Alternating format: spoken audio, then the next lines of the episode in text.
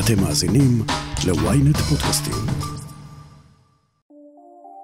כשאזרח נקלע לצרה, שוד, התקף לב, תאונת דרכים או כל דבר אחר, הוא צריך לחייג לאחד ממספרי החירום. אבל לאיזה הוא צריך לפנות? 100 להזיק את המשטרה, 101 לקרוא למגן דוד אדום, או 102 לכבאות והצלה. 911, where is your emergency? בארצות הברית זה קל, כולם מכירים מספר אחד, 911. אבל למה בישראל זה לא ככה? ב-11 בפברואר השנה פרסמנו כאן בכותרת פרק שעסק בסוגיה הזו שמטרידה כבר שנים חברי כנסת, אנשי מקצוע, לוביסטים ומנכ"לי משרדים. בזמנו עוד כיהנה כנסת ועידית סילמן, אז יושבת ראש הקואליציה, קידמה הצעת חוק לאיחוד מוקדי החירום הרפואיים. ההצעה אפילו עברה בקריאה ראשונה בכנסת.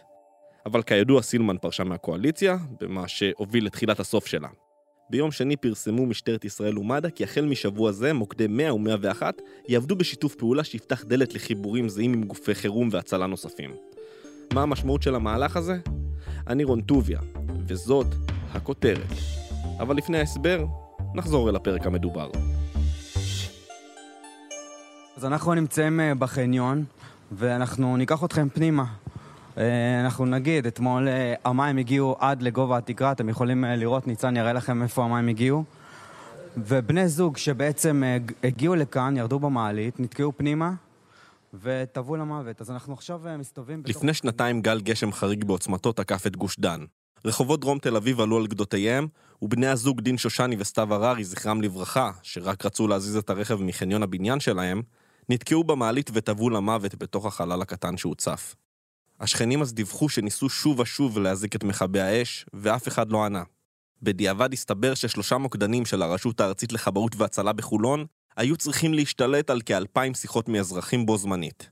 אם היה לשכנים מוקד חירום אחוד להתקשר אליו, והשכנים היו מקבלים מענה, וכוחות ההצלה היו מגיעים מיד, אולי היה ניתן להציל אותם. הסיפור הזה נגע בי באופן אישי, כי עברתי אירוע דומה ולא נעים שנתיים וחצי לפני כן, ב-8 באוגוסט 2017. זה היה עוד יום רגיל של קיץ בקיבוץ נחל עוז בו נולדתי וגדלתי.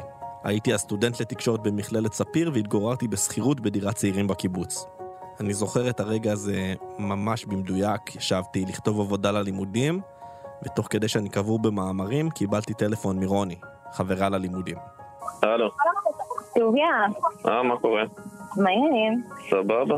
תגיד, אתה שכן של ניר שהוא שנה א' תקשורת, נכון? נכון. הוא גר קרוב אליך, אתה יכול לבדוק כאילו אם הוא בחיים? היא סיפרה שהשכן שלי ניר לא הגיע למשמרת בעבודה וביקשה שאעיר אותו. ניר היה אז בן 25 והיינו מיודדים, היינו יושבים ככה לפעמים לחומוס ובירה. וכי רוני ביקשה, אז הלכתי להעיר את ניר. וכשהגעתי לדירה שלו, מרחק דקת הליכה מהדירה שלי פחות או יותר, פגשתי את אורן, שכן וחבר של שנינו. גם אליו התקשרו באותו עניין. ניר לא ענה, אבל אתם יודעים איך זה קיבוץ, לא תמיד נועלים את הדלת. אז פשוט נכנסנו פנימה. ואיך כשנכנסנו לדירה מיד ראינו אותו, שוכב מחוסר הכרה ליד השירותים. אורן ניסה להעיר אותו וצעק לי שניר קשה כמו אבן. הבנו שאנחנו במצב חירום, ומיד חילקנו בינינו את העבודה. אורן מתקשר למאה, כלומר למשטרה, ונשאר לטפל בניר, ואני רץ להזיק עזרה רפואית מאחות הקיבוץ שגרה ממש בסמוך. סיכמנו שבמקביל אתקשר למד"א, ל-101, כדי שגם הם יגיעו כמה שיותר מהר. כך נשמעה השיחה עם מוקד החירום שהוקלטה במכשיר הסלולרי שלי. אזהרה, מדובר בקטעים לא קלים לשמיעה. מד"א יעל. מד"א שלום, אנחנו צריכים אמבולנס דחוף לנחל עוז, בן אדם קשה כמו אבן, בתוך הדירה איפה שלו. אתם בנחל עוז? בנחל עוז דירת צעירים, תגיעו לשם, תתקשרו למספר שלי, בבקשה תרשמו כי אין לנו פה הכוונה. 054 רגע, תמתין. מהר, מהר, מהר, בן אדם קשה כמו אבן. אוקיי, אוקיי, תקשיב לי, תירגע, תנשום עמוק, אמבולנס יוצא במקביל לשיחה שלנו. אני רוצה שתיגשו אליו, אוקיי? כן, כן. מה זה קשה, הוא נושם? אני לא יודע, רגע, אני לא יודע. אה, תרשמו בבקשה את המספר שלי שעוד אני בפוקוס. יש לי את הטלפון שלך. אוקיי. אני צריכה מספר טלפון, אוקיי? אז רגע, אני רק רוצה... תלך אליו. רגע, אורן! אז העברתי את הטלפון לאורן, וכמו שאפשר לשמוע, הוא פעל בקור רוח, למרות שחברו שכב לצידו מחוסר הכרה. אתה יודע להגיד לי מה השם שלו? כן, אה, ניר, ניר? כן. ובן כמה הוא? 25. 25. כן. תסתכל רק על בית החזה שלו. בית החזה שלו עולה ויורד? לא, לא נושם. לא נושם. אתה מכיר אותו? כן, אני מכיר אותו. בשלב הזה נכנסה לדירה האחות של הקיבוץ, ויכול להיות שרק אז המוקדנית הבינה את חומרת האירוע. כמה זמן הוא ככה? תקשיבו, תקשיבו אליי, תקשיבו. תפסיקי לצעוק בבקשה, תורידו לו את החולצה. הוא בלי חולצה! הוא בלי חולצה! לשבת? אוקיי. אמבולנס כבר בדרך. תעשו רק כיסויים. אנחנו עושים, אנחנו עושים, אבל תשלחו דחוף! אבל תפסיקי לצעוק, הלו, הלו. ואז התחיל הבלבול בין המוקדים. ככל הנראה, ממוקד המשטרה התקשרו לטלפון של אורן וניסו להזמין אמבולנס צבאי.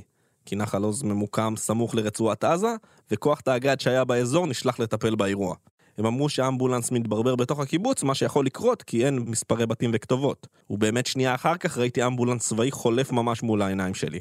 לאחר כמה דקות במשטרה התקשרו לטלפון שלי וביקשו שאשאיר את הקו פנוי, ואז גם התקשרו אליי ממוקד מד"א, אבל מוקדנית מד"א לא ידעה שהאמבולנס הצבאי בדרך אלינו. שלום, זה ממגן דוד. שלום, איפה אתם?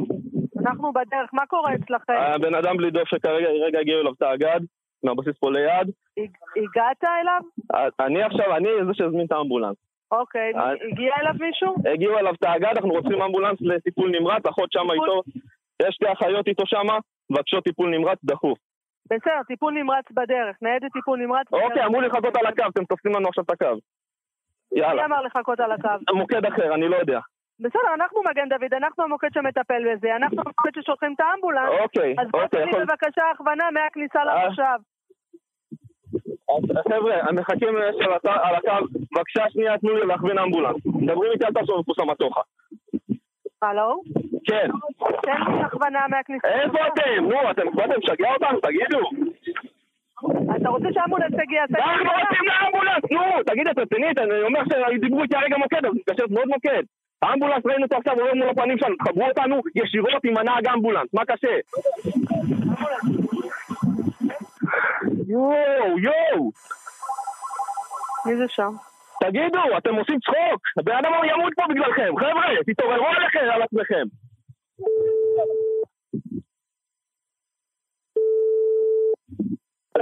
שלום, מי אני, מי אני מדבר? אייל? כן. המודיע. אוקיי, איפה אתה נמצא, נהג? אני, בכניסה, אני בכניסה. אוקיי, בכניסה, סע צמוד לגדר, צמוד לגדר. תפנה, תראה אותנו, שני אנשים, אחד חולצה לבנה, אחד שחורה, מנופפים לך? בקיצור, היה פה בלאגן שלם. וזה לא שהמוקדים עצמם לא פעלו בסדר, אבל מכיוון שפנינו גם למשטרה וגם למד"א, כי תכלס פשוט רצינו שמישהו יגיע כמה שיותר מהר, נוצר פה בלבול ועיכוב. וגם המוקדים עצמם לא היו מסונכרנים ביניהם. אחרי האמבולנס הצבאי שחלף על פניי, הגיע אמבולנס טיפול נמרץ, ואחריו אמבולנס לבן ושניהם של מד"א. סך הכל הגיעו שלושה אמבולנסים לאירוע, ולא רק הם.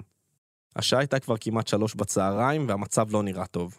הפרמדיקים של מד"א רכנו מעל ניר וביצעו בו החייאה, כוחות המשטרה לא נראו באופק, ואז קיבלתי שיחת טלפון מבחור בשם יונתן, פרמדיק בכוח מושג של 669, שככל הנראה הוקפץ על ידי הצבא וביקש ממני פרטים על האירוע. מה נשמע? אז אתה באזור כבר? אני פה בזירה, כן. איפה אתה? אוקיי, אז אה, תתקשר אליי ברגע שאתה מגיע לבן אדם. אני אצל הבן אדם, איפה אתה? אוקיי, אנחנו עוד רחוקים מכם, מה קורה איתו? תספר לי. נחסוך מכם את השיחה עם יונתן, הוא ככל הנראה חשב שאני חלק מהצוות הרפואי ושאל אותי שאלות מקצועיות על מצבו של ניר, ולא הבנתי כל כך מה הוא רוצה, אז העברתי את הטלפון לפרמדיק שעמד לידי. הם דיברו ביניהם, והמסוק חוזלש, וניר, הוא לא שרד. הוא מת. ככל הנראה מדום לב.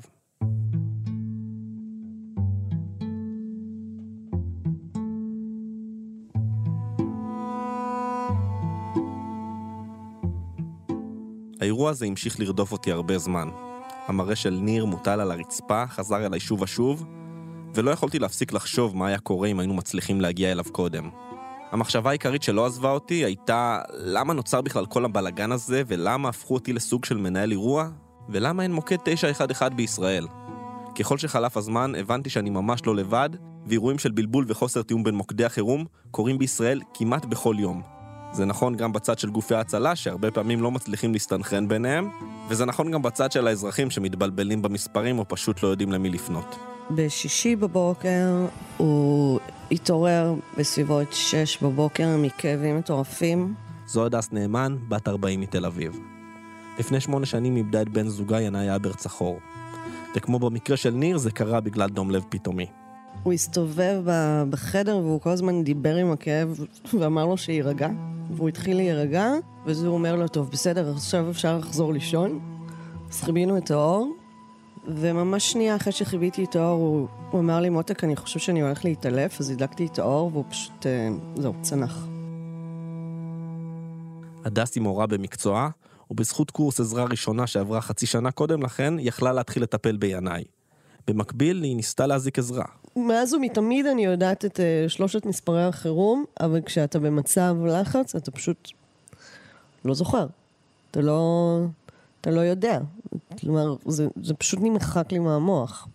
רצתי לחדר עבודה, היה לנו טלפון קווי, והתקשרתי בהתחלה ל-102, ואז הבנתי שאני מתקשרת למכבי אש, אז ניתקתי ופשוט לא הצלחתי לסגור את 101. אז התקשרתי ל-100 במודע, ואמרתי להם שאני מודעת לזה שאני מתקשרת למשטרה, אני פשוט צריכה עזרה, כי הבן זוג שלי פשוט הפסיק, אה, צנח והפסיק לנשום. הייתי מאוד קורנטית, אבל uh, הייתי די בהיסטריה. גם התקשרתי אליהם uh, בוכה, ולקח להם זמן להבין שאני לא סתם היסטרית ושהוא באמת לא, לא נושם. אחרי 20 דקות בערך הגיעו הפרמדיקים של מד"א לדירה של הדס וינאי במרכז תל אביב. זמן יקר התבזבז על המתנה למוקד. אחרי כמה ניסיונות החייאה שכשלו, הכוח הודיע שינאי מת. ינאי נפטר ביום הכי גשום בעולם. פשוט השאירו אותו פשוט מת על הרצפה, ואני פשוט שכבתי עליו שלוש שעות. לא הסכמתי להתפנות ממנו. מה הסיכוי להתבלבל במספרי החירום? לפי סקר שערכו דוקטור יובל ביטן מאוניברסיטת בן גוריון ודוקטור ברוריה עדיני מאוניברסיטת תל אביב, נמצא ש-86% מהנשאלים זכרו את מספר החירום של מד"א, 101. רק נציין שזהו סקר ואין אפשרות אמיתית למצוא מספרים מדויקים לגבי טעות בשעת לחץ. הנתונים שהכי קרובים לכך הם נתוני המשטרה שנבדקו ביחס למוקד 100 והעדכניים ביותר מ-2014. מתוך 9 מיליון שיחות שהיו באותה שנה, אחוז אחד מהן היו חיוגים בטעות של אזרחים מבולבלים. באחוזים זה נשמע אולי מעט, אבל המספרים לא מעטים. מדובר בכ-90 אלף שיחות. הנתונים הוצגו כחלק מוועדת מור שהקימה המשטרה לחקר חטיפת הנערים בקיץ 2014. מאז לא נעשתה בדיקה נוספת.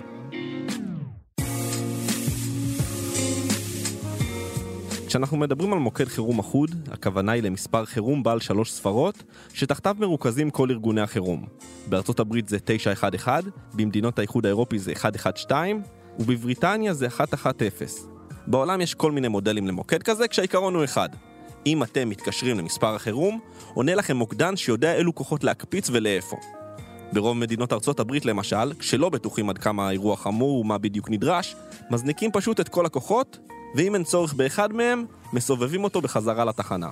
בשנים האחרונות עלתה לדיון בארצות הברית הנחיצות במוקד 911, והאם פירוקו יחסוך כסף ויציל חיי אדם. ומה בישראל? אצלנו יש 12, כן כן, 12 מוקדי חירום. אני יכול להניח שאתם מכירים בעל פה שלושה, אולי ארבעה מספרים? 100, 101, 102. יש גם את מספר החירום של איחוד הצלה, 1221, שפופולרי בעיקר בחברה החרדית. ויש עוד שמונה מספרי חירום נוספים שמיועדים למידע. ממוקד 110 של המשטרה ועד מוקד 1201 של ער"ן.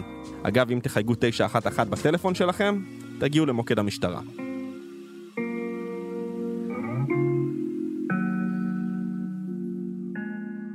איך בכלל הגענו למצב שלכל ארגון חירום יש מספר משלו? התשובה נמצאת, כמו גם לגבי הרבה דברים משונים בחיינו, אי שם במנדט הבריטי.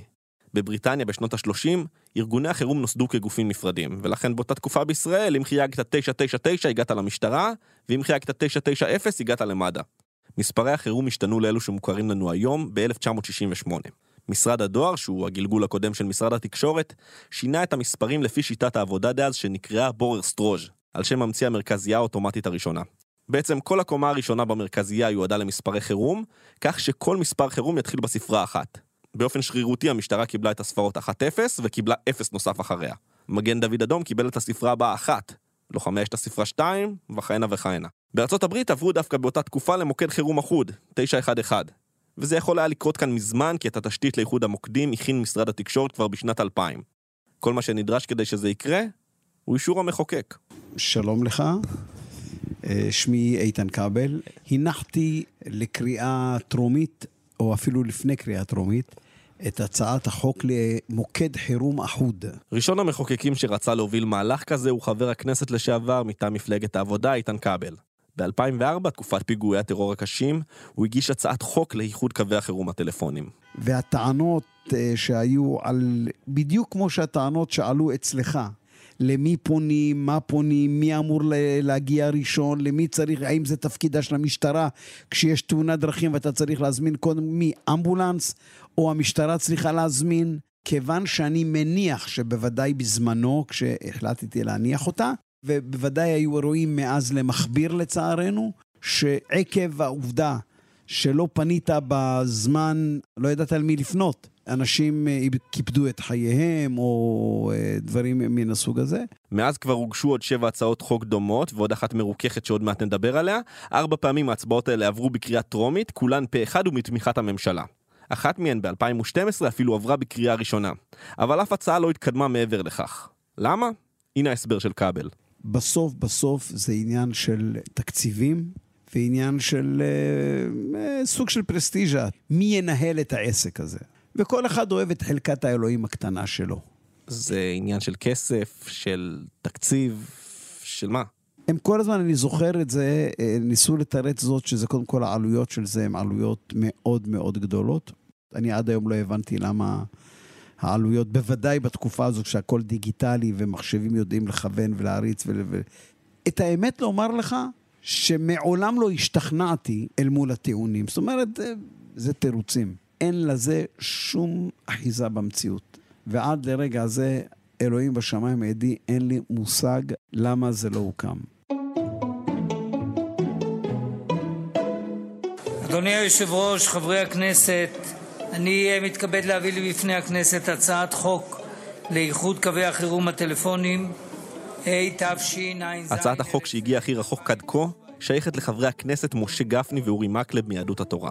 היא הוגשה ב-2009 והצליחה לעבור בקריאה ראשונה רק במרץ 2012. אלא שוועדת הכלכלה לא דנה בה עד לאחר הבחירות הבאות, כשנה לאחר מכן, רק בינואר 2014. אז דווקא היה פתח לתקווה, כי הוועדה אישרה להמשיך את הדיון מהמקום שבו הוא נפסק בכנסת הקודמת. אבל אז התעוררה בעיה אחרת. שרת הבריאות דאז יעל גרמן התנגדה להצעה, לדבריה בהתאם להמלצת גורמים מקצועיים שלא השתכנעו שמוקד החירום ייעל את השירות. הכנסת פוזרה בדצמבר של אותה שנה, וגם הניסיון הזה הושלך לפח הזבל של ההיסטוריה. העניין עלה לסדר היום לפני כשנתיים בעקבות אסון המעלית בשכונת התקווה שהזכרנו קודם, אבל אז נכנסנו למשבר קואליציוני עם שנתיים ללא ממשלה. בשורה התחתונה, כל הניסיונות כשלו. אבל אז הגיע סילמן.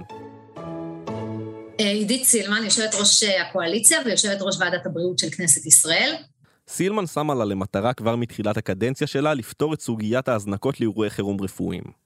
בקצרה נסביר שבמצב הנוכחי, קריאה רפואית למוקד חירום מד"א או איחוד הצלה, שולחת התראה לכוננים שבסביבה מכל הארגונים. אלא שכונני איחוד הצלה טוענים שקריאות רבות לא הגיעו אליהם למרות שהיו סמוך למקום האירוע. במד"א הכחישו שמדובר בזדון, ואילו באיחוד הצלה טענו שישנן עדויות שכן. למרות שחוזר מנכ"ל משרד הבריאות קבע ב-2017 כי יש לשתף את המידע, בפועל כך טענה סילמן, זה לא קרה. הצעת החוק שלי מדברת על איחוד קווי החירום הרפואיים. הרעיון שלי, הצעת החוק שלי, בפשטות אומרת שבן אדם שנחנק ואין לו אוויר וצריך הצלה כמה שיותר מהר, הכונן הכי קרוב למקום האירוע יגיע אליו במהירות האפשרית. לא משנה לאיזה ארגון הוא משתייך, לא משנה איזה מדים הוא לובש. אני ברשותכם פונה מכאן לששת אלפים המתנדבים. לא תצטרכו יותר לחכות מתחת לבתים לחפש את הכתובת. ואני אומר את זה לבעלי האמבולנסים. להצעת החוק לאיחוד הקווים בגרסה המרוככת הצטרפו חברי הכנסת מהאופוזיציה, ינון אזולאי ומיודענו משה גפני. כשאלי סלסכם ממרץ תומך אף הוא בהצעה ביחד עם שר הבריאות ניצן הורוביץ. אלא שאז הורוביץ שינה את דעתו. ההצעה עוררה מחלוקת קשה בקואליציה, כשסילמן מאיימת להפסיק להשתתף בהצבעות ופועלת כדי לקדם ועדת חקירה לבדיקת מוקדי החירום. ונדמה היה שגם הפעם ההצעה תרד לטמיון. אבל אז נמצא פתרון. המוקד הרפואי הלאומי שיעוגן בחוק יהיה תחת מד"א. אני לא חשבתי עד כמה יהיה לי קשה להעביר את ההצעה הזאת, אבל אני אגיד לך את האמת. מרגע שהיא עברה בטרומית, היא נכנסת לוועדה שלי, שאני עומדת ברשותה, ואני סומכת על עצמי ועל חברי הוועדה ועל שיתוף הפעולה הנהדר והקסום שיש פה בין קואליציה לאופוזיציה.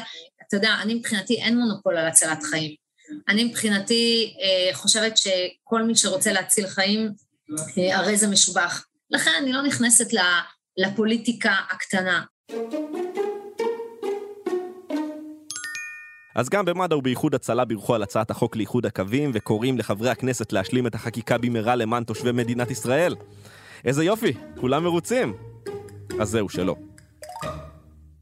הצעת החוק מסדירה סוף סוף את מעמד מוקד החירום הרפואי הלאומי, וטוב שכך, והמדינה סוף סוף גם לוקחת בעלות על מספר החירום. אבל הבעיה שהיא מסדירה רק את מוקד החירום הרפואי. בחוץ נותרו עשרה מוקדים שונים, שכל אחד מהם נמצא תחת אחריות משרד אחר. ממשרד לביטחון פנים ועד משרד הרווחה. כך שלמעשה, עדיין האזרח יצטרך לזכור הרבה מספרים, ועדיין ייתכנו בלבולים וחוסר תיאום בין הגופים. אני שואל את חברת הכנסת סילמן, את לא חושבת שנעשית בהצעת החוק חצי עבודה?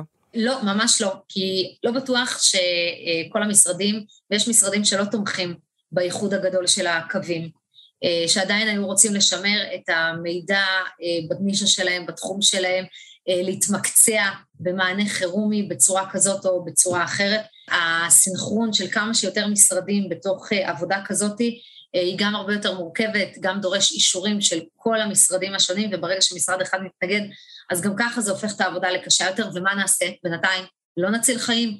זה בדיוק המקום שאתה נמצא, שבו לא ברור מי מנהל היום את הטיפול בעורף. כל המאבקים האלה בסוף אה, מנעו את היכולת של גוף לבוא ולהגיד, טוב, אנחנו המומחים בתחום החירום. זה דוקטור גל אלון שהקים את מערך התכנון והאסטרטגיה הממשלתי כשעבד במשרד ראש הממשלה בשנים 2006 עד 2009. הוא מסביר שמוקד חירום אחוד לכלל הגופים זה אחלה וצריך להקים אותו בהקדם, אבל זו רק בעיה אחת מתוך שורה ארוכה של בעיות שיש לישראל במערך החירום. אני יכול מהזווית הקטנה והצנועה שלי להגיד שב-2006, כשמלחמת לבנון השנייה קרתה, זה בדיוק החודש שבו אני נכנסתי למשרד ראש הממשלה, ואתה ראית מערכות שלא מאורגנות. עכשיו, מוקד חירום זה דבר אחד, היו דברים הרבה יותר דרמטיים, שאתה יודע, אה, אה, מי מפנה תושבים במקלטים שנמצאים תחת איום? אה, מי אחראי על, אפילו עכשיו, על סיפור מערכות חינוך, ומי אחראי על, על בדיקות של נגיף שמתפשט? זאת אומרת, היו לך המון סוגיות שלא טופלו. עכשיו, זו הסיבה שאחרי מלחמת לבנון השנייה הוקמה רשות החירום הלאומית, שנועדה בדיוק להתעסק בדברים האלה, ואחד מהם אגב היה גם מוקד החירום. רחל, או בשמה המלא, רשות החירום הלאומית, הוקמה ב-2007 כדי שיהיה תיאום טוב יותר בין הגורמים במדינה שמטפלים באזרחים בשעת חירום, בין אם מדובר במלחמה, פיגוע גדול, אסון טבע, או נגיף מסתורי שהגיע מסין. ב-2019, לאחר מאבקים בין משרדי הממשלה, קוצצו סמכויות הרשות וחלקן עברו למל"ל, המטה לביטחון לאומי, שנמצא תחת משרד ראש הממשלה. ולכן גם האפשרות שרחל תיקח על עצמה את איחוד המוקדים, ירדה מהפרק. משרד ראש הממשלה לא יכול להתעסק בהכל. המטה לביטחון לאומי שיושב בתוך משרד ראש הממשלה, תחשוב שיש שם הרבה אנשים, אבל הם צריכים להתעסק מההתקפות אה, בסוריה ודרך אה, יחסי ישראל ורוסיה, אה, ועד עכשיו פתאום לפתח מומחיות בנתונים של פנדמיה. אנשים מאוד מוכשרים, אבל at the end of the day, אתה יודע, סדרי עדיפויות. ולכן, אחריותם זה לדאוג שיהיה גוף שיתעסק בזה, לא להתעסק בזה בעצמם.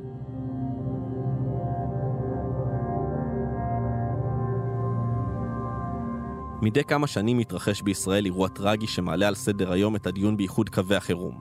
אם זה אירוע מעלית בשכונת התקווה, ואם זה מקרה שאתם בוודאי זוכרים, חטיפת הנערים אייל יפרח, גלעד שער ונפתלי פרנקל, זכרם לברכה, בחודש יוני 2014.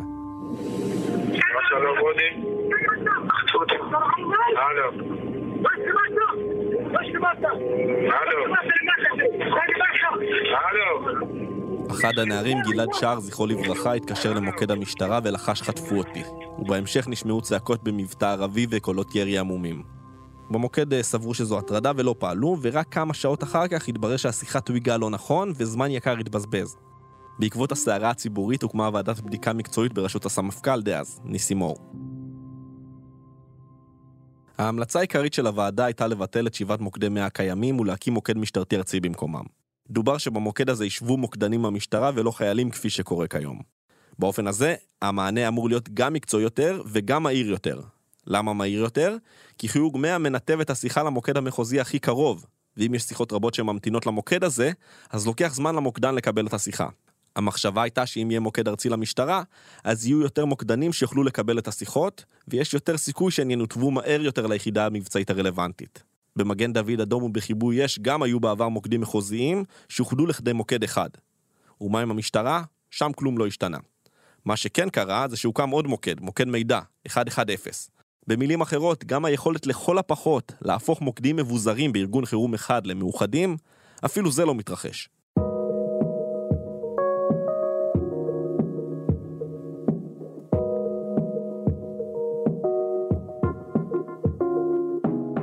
ככל שצללתי בתחקיר ראיתי שיש דעות בנושא לכאן ולכאן, והדיון על חיונות איחוד הקווים מעורר הרבה אמוציות בין התומכים לבין המתנגדים.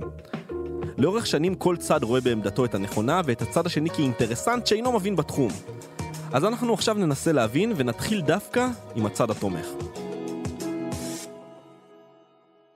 מוקד אחוד, בעיניי אנחנו רואים אותו אה, קיים בעשרות רבות, אפילו יותר מכך, אה, של מדינות ברחבי העולם, שעשו את הצד הזה. זה משה טייטלבאום, יושב ראש איחוד הצלה, שבניגוד למד"א, שקבוע בחוק כגוף החירום של ישראל, הוא גוף רפואי מסייע מורשה על ידי משרד הבריאות, שהוקם לפני 16 שנה בלבד, לדבריו לכפר על אוזלת ידה של מד"א. הרי אנחנו יודעים את זה כאנשי צוות, כאנשי שטח, שאנחנו הרבה, הרבה פעמים מגיעים לאירוע של uh, תאונת דרכים, שיש בה גם לפעמים uh, uh, מעורבות של חומרים מסוכנים, או צריך צוות של כיבוי, וכמובן צריך משטרה.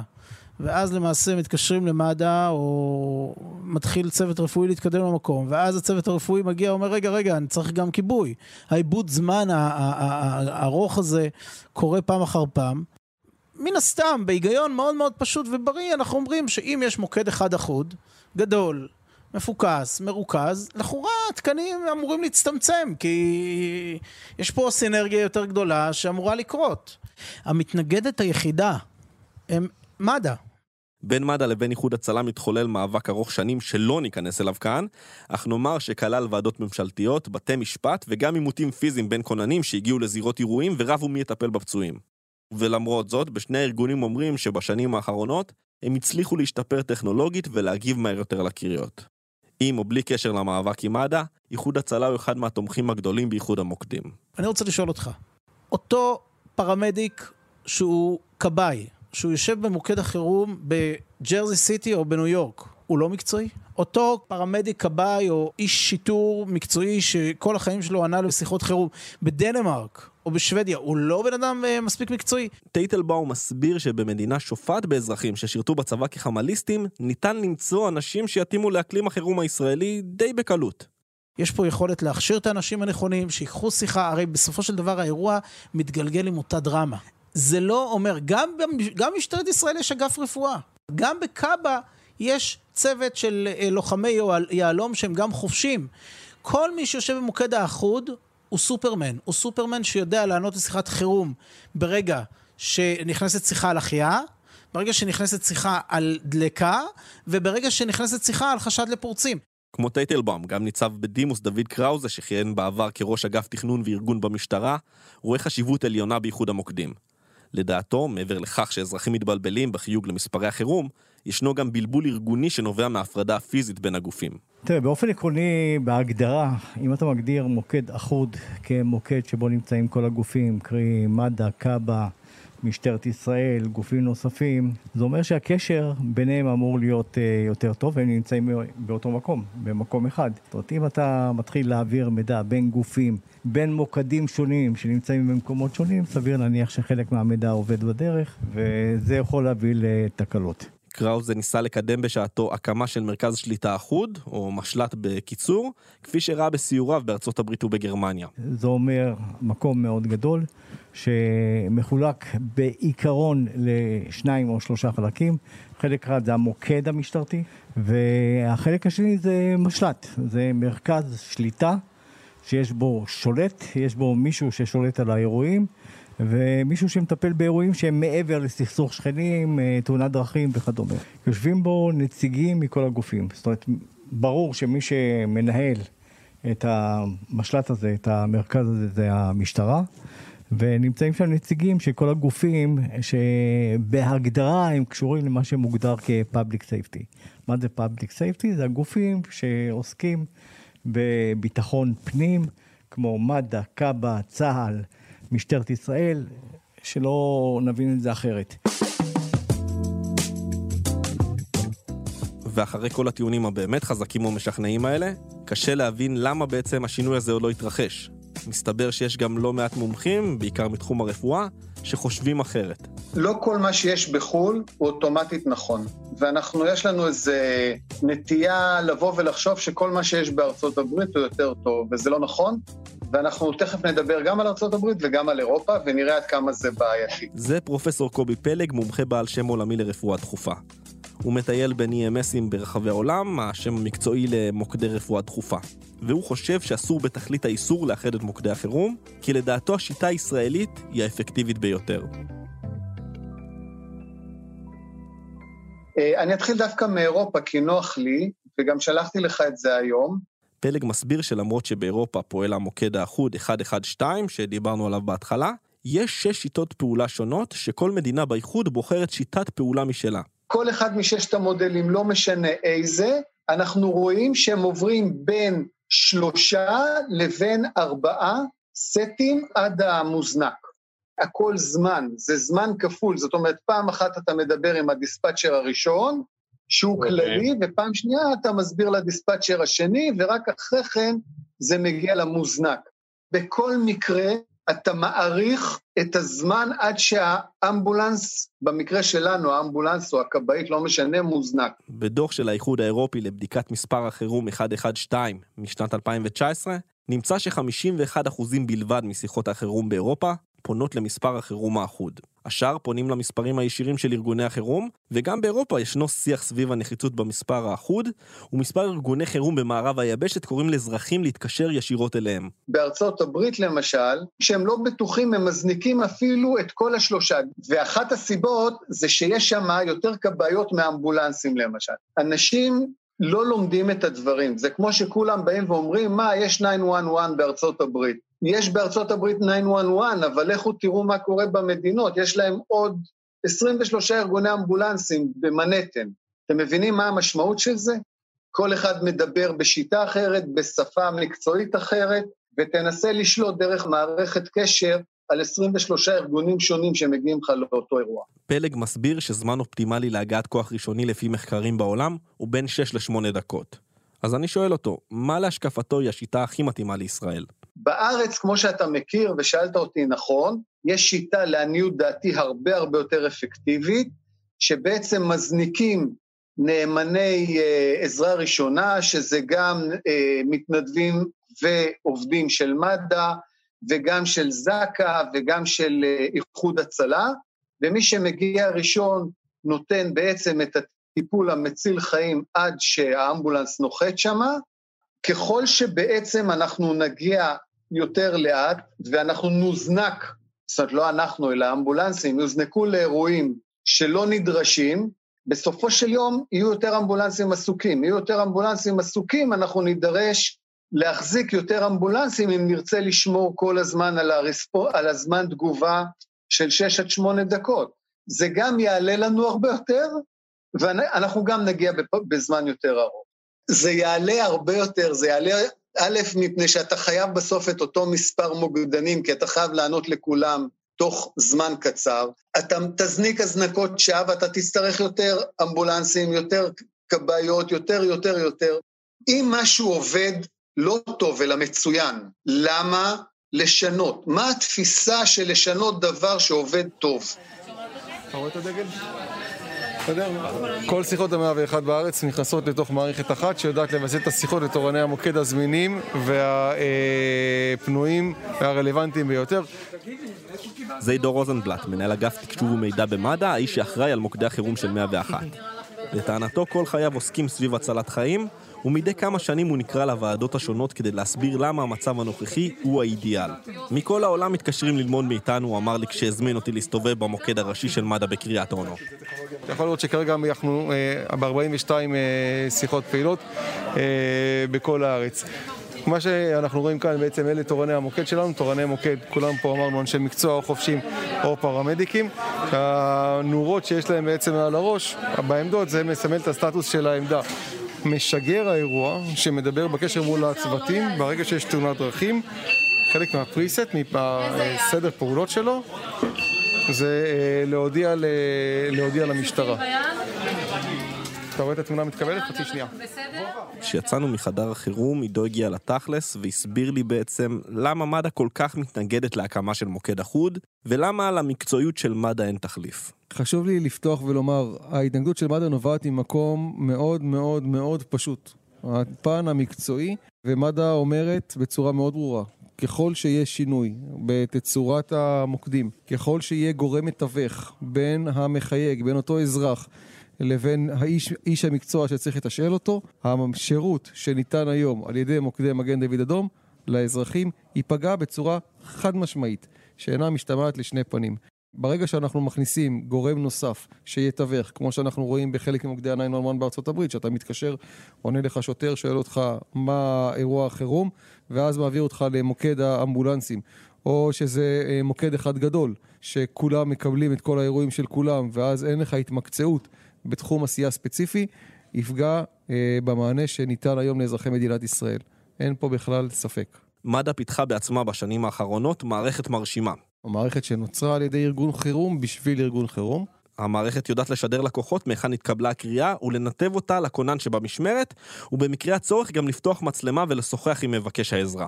כאשר המערכת עושה את כל תהליך שיגור כוחות ההצלה, זה לא פוגם כהוא זה במהירות התגובה. וכן, כמו שאמרנו, המערכת יודעת גם לשדר מידע למערכות אחרות, גם לכוחות חבירים, גם לכוחות צבאיים רלוונטיים ככל שנדרש, גם לכיבוי אש וגם למשטרת ישראל.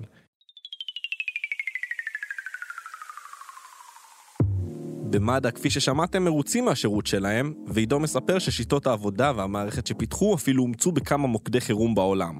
לפני כשנה המערכת החלה להיטמע במוקד רשות כיבוי האש וההצלה.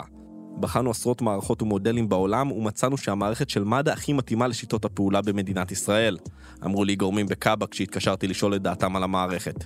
מערכות שפותחו בשוק האזרחי לעולם לא יתאימו, מכיוון שאינן מסוגלות להתמודד עם אירועים ייחודיים לישראל כדוגמת טרור. למעשה מול הטכנולוגיה של מד"א קיימות מספר אופציות בשוק הפרטי שמאפשרות טכנולוגית להקים מוקד אחוד בישראל, ולטענת המפתחים זה לא דבר כזה מסובך. במוקדי העיריות 106 בתל אביב וירושלים ובאיחוד הצלה עובדים עם טכנולוגיות ישראליות שמאפשרות לכל אזרח להעביר לגורמי הצלה מידע על מקרה חירום בזמן אמת ודרך הטלפון הנייד. המידע גם משותף בין מוקדי חירום שונים. למרבה האירוניה, המערכות הישראליות האלו מוטמעות כבר במספר מוקדים בעולם. ויותר מכך, בעולם שבו ניתן להזמין מונית או ארוחת ערב בלחיצת כפתור, כבר ברור שהעתיד של מוקדי החירום הולך לשם. בחלק ממדינות ארצות הברית כבר קיימות אפליקציות שמרכזות את כלל מוקדי החירום, וכל מה שנותר לאזרח הוא ללחוץ על אייקון המשטרה, אמבולנס או מכבי האש לפי הצורך, ובשונה מישראל, המוקד יוצר טלפון ראשוני מבקש העזרה, ולא להפך. והנה נפתרה הבעיה, לא צריך לזכור בכלל מספרים.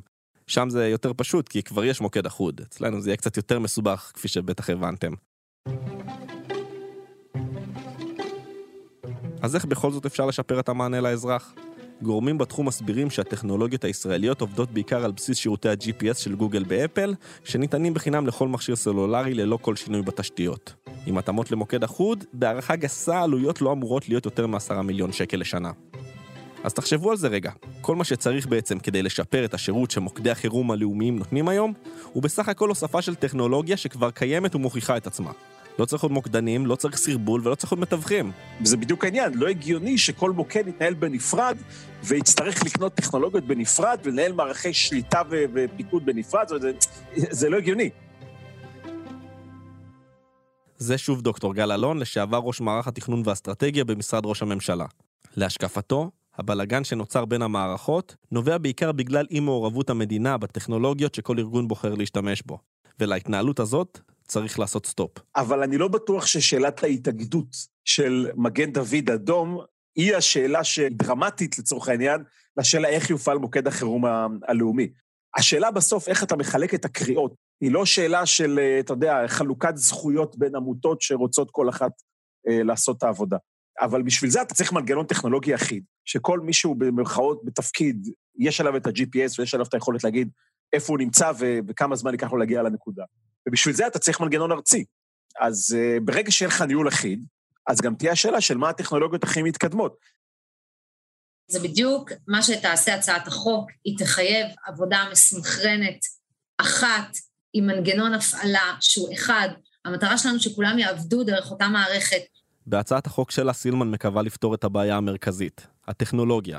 והוועדה בראשותה תנסה להבין מהי המערכת הנכונה ביותר למערך חירום רפואי לאומי מאוחד. ולמעשה מישהו יצטרך לוותר כאן.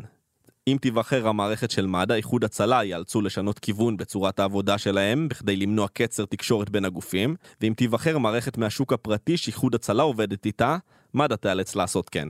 וכאן צפוי המאבק הבא ואנחנו נמשיך ונעקוב. ומד"א הוא ארגון שהוא מעוגן בחוק. אז אני שואל את סילמן, האם תהיה עדיפות למערכת של מד"א?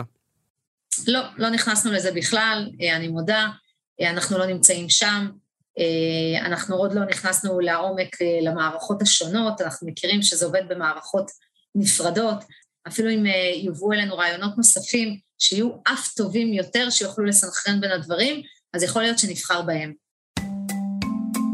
זוכרים את הדברים שאיתן כבל אמר לנו בתחילת הפרק? הם כל הזמן, אני זוכר את זה, אה, ניסו לתרץ זאת שזה קודם כל העלויות של זה הן עלויות מאוד מאוד גדולות. כשניסינו לברר מהי העלות הכספית של הקמת מערך חירום אחוד, קיבלנו המון תשובות. גורם באחד ממשרדי הממשלה, שביקש לא להיחשף בשמו, העריך שמדובר בעלות של כמיליארד שקל. בוועדת מור של המשטרה נטען שהמחיר הוא 80 מיליון שקל, וכפי ששמעתם גם ישנה טענה של 10 מיליון שקלים. אחרים שהשתתפו בוועדות בכנסת טענו שנושא התקציב לא עלה אפילו פעם אחת. האמת המצערת היא זו, עד היום לא נעשתה בישראל בדיקת עלות רצינית ומעמיקה לגבי הקמה של מוקד חירום אחוד. גם הצעות החוק קודמו בלי בדיקת עלות מסודרת. וכך שמנסים לקדם דברים, אז אולי לא צריך להיות מופתעים שהם נתקעים שוב ושוב. מה המקור לכל זה? ככל הנראה שזה לא מספיק מעניין את ממשלות ישראל לדורותיהן. ומבלי שהממשלה תרצה מוקד אחוד, זה כנראה פשוט לא יקרה. גם דוקטור גל אלון חושב ככה.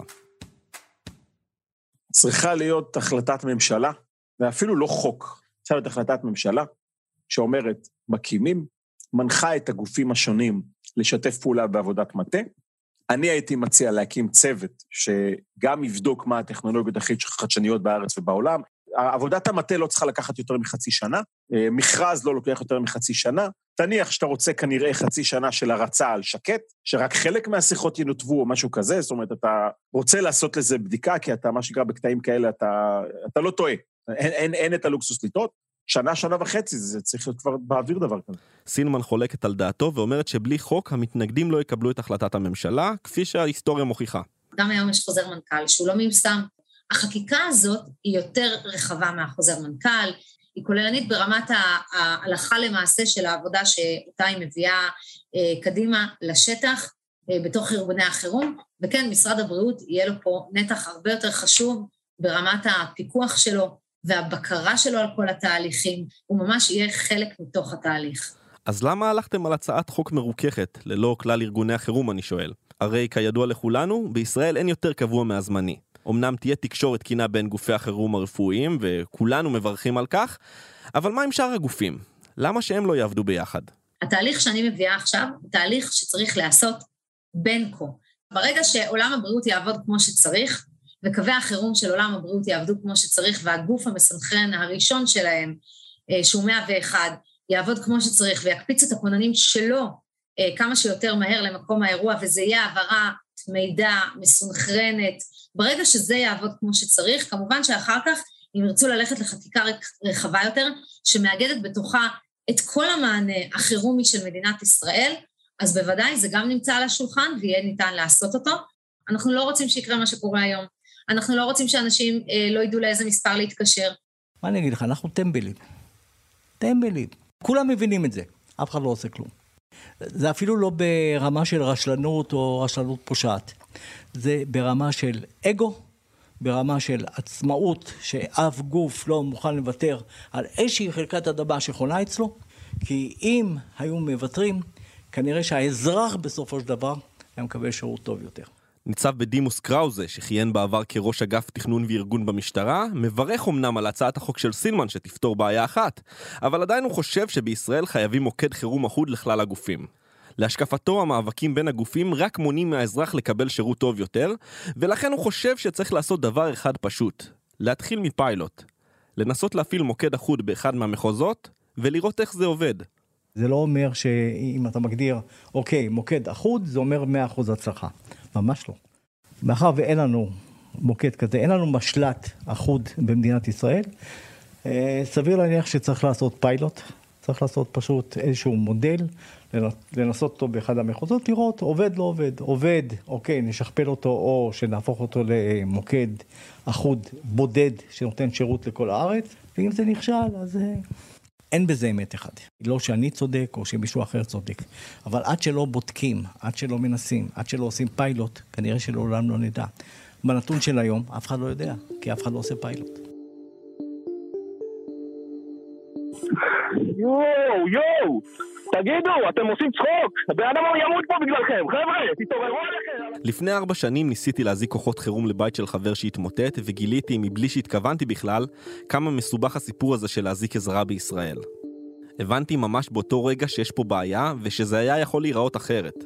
החלטתי לצאת לחקור את העניין הזה, וכפי שאמרתי, הנושא הזה של איחוד המוקדים, בגלל שהוא מערב הרבה חיים ומוות, עורר הרבה אמוציות אצל כל מי שפניתי אליו, כשכל צד בטוח בצדקתו. מי צודק בוויכוח הזה? קטונתי מלשפוט. אבל השורה התחתונה בעיניי זו, חייבים לצאת לפיילוט. לעניות דעתי חייבים לכל הפחות לנסות, ואולי בדרך הזו למנוע את האסון הבא. אנחנו בעיצומו של החורף, ולא היינו רוצים לראות כאן אירועים טרגיים נוספים שאפשר למנוע. אנחנו לא רוצים שאזרחים תמימים כמוני וכמו הדס ירגישו חסרי אונים כשהם נמצאים במצב חירום.